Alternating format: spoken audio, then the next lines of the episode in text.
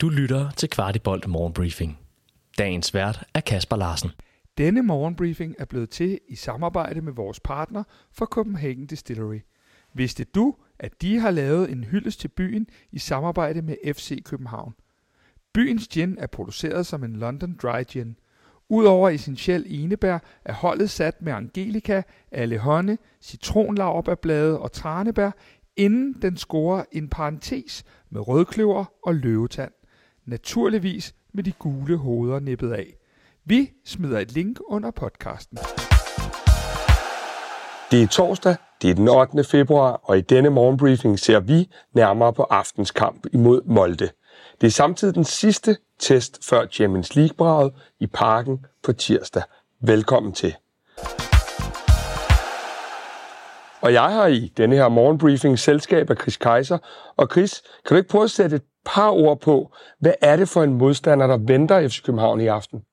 Jo, øh, norske Molde, som jo øh, blev øh, norsk mester, ikke i sidste sæson, men i forrige sæson.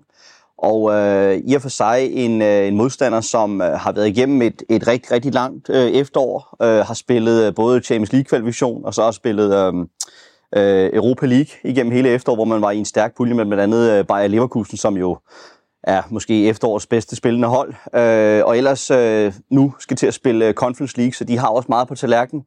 Og et hold, som øh, man kan sige... Øh, er fyldt med, med en del spændende unge spillere. Øh, desværre kan man sige for dem, øh, at ham her Breivik, midtbanespilleren, som er skadet og som ikke er med øh, i kampen mod FC København. Men et hold, som også øh, typisk spiller 3-5-2, når de angriber, og ellers forsvarer i en 5-3-2. Så jeg tror, det er, en, øh, det er et meget godt match i forhold til øh, mange af de modstandere, vi, har, vi skal spille i Superligaen, men måske ikke så meget et match, der sådan, i forhold til formationen kan være gavnligt i forhold til Manchester City-kampene, men, øh, men helt sikkert en, en, en rigtig stærk modstander, som endte, som jeg husker det, nummer 5 øh, i sidste sæson, øh, hvor øh, Bodo Glimt jo igen, han er sagt, blev, øh, blev norsk mesker. Men Chris, nu siger du selv, at de skal ud og spille det her Conference League. Ja. Det må jo også betyde, at de relativt er i det samme load som os i forhold til at skulle kunne præstere her i ja, det, der så bliver i næste uge. Jamen helt sikkert, Kasper, øh, og det er jo også derfor, det er en stærk matching på den måde, kan man sige. Øh, vi snakkede lidt om det i relation til Elfsborg-kampen, hvor, vi, hvor jeg i hvert fald vurderer, at vi umiddelbart er en 10-14 dage længere frem end dem. Men, øh, men her med, med Molde, så, så må vi sige, der er vi rimelig meget på par i forhold til det. Og øh, ja, som de møder så lige Warszawa i, i Conference League, så det bliver også en, en, en tasty affære for dem, men øh, selvfølgelig vil de gøre alt, hvad de kan for at gå videre, for der både er, er nogle penge og nogle prestige i det for, for Molde, så, øh, så de er helt sikkert klar til, til den her kamp, og jeg tror også, de kommer i, i deres hvad skal man sige, stærkeste formation, de overhovedet kan mønstre. Ja, fordi det er jo så netop mit næste spørgsmål, der hiver vi den lige tilbage på FC København. Hvordan forventer du, at Næstrup og teamet griber kampen an i forhold til den her opstilling? Jamen, øh, jeg tror simpelthen, at vi er så tæt på, at nu skal det, nu skal det sidde i skabet, hvad det der ligner start 11 mod Manchester City. Så øh, jeg tror, at vi kommer til at se en, en stærkest opstilling for FC Københavns vedkommende.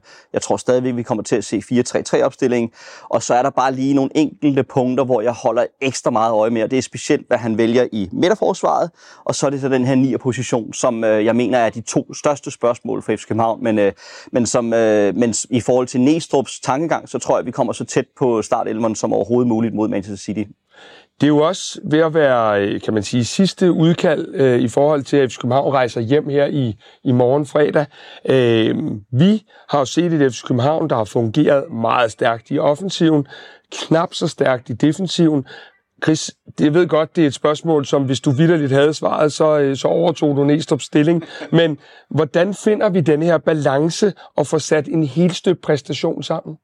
Jamen, øh, jeg tror, at det handler rigtig, rigtig meget om, at man, øh, at man prøver at viske tavlen ren og prøver at få de der skeletter ud af kroppen så meget som overhovedet muligt. Øh, fordi der er så meget talent i den her trup. Der er så meget øh, kvalitet i den her trup. Øh, og øh, de spillere, der måske ikke lige har leveret øh, på det niveau, vi, vi et eller andet sted kender dem for, Øh, de har jo mange andre gange leveret på et tårnhøjt niveau, så det handler simpelthen primært om at få visket den her tavle ren og, og få et, et, et frisk mindset, og så få, øh, og få sat tingene sammen. Og jeg er helt sikker på, at for Jacob Næstrup, når han har, øh, når han, hvad skal man sige, har, har lagt sig på puden og, øh, og ser frem mod den her kamp mod Molde, så er det hans største ønske, han har, det er netop, som du siger, en helt støbt indsats, hvor det både fungerer offensivt og defensivt, og, og vi vinder den her kamp sådan øh, forholdsvis komfortabelt, uden at man, man skal forvente, at det, det bliver sådan noget 7-8-0, fordi niveauforskellen er ikke så stor, men selvom at vi vil være favoritter, fordi den danske liga i FC København er bare et stærkere hold end Molde for Norge.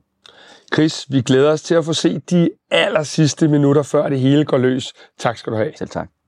Du har lyttet til Kvartibolt Morgenbriefing. Vi er tilbage i morgen med byens bedste overblik over FC-kundigheder.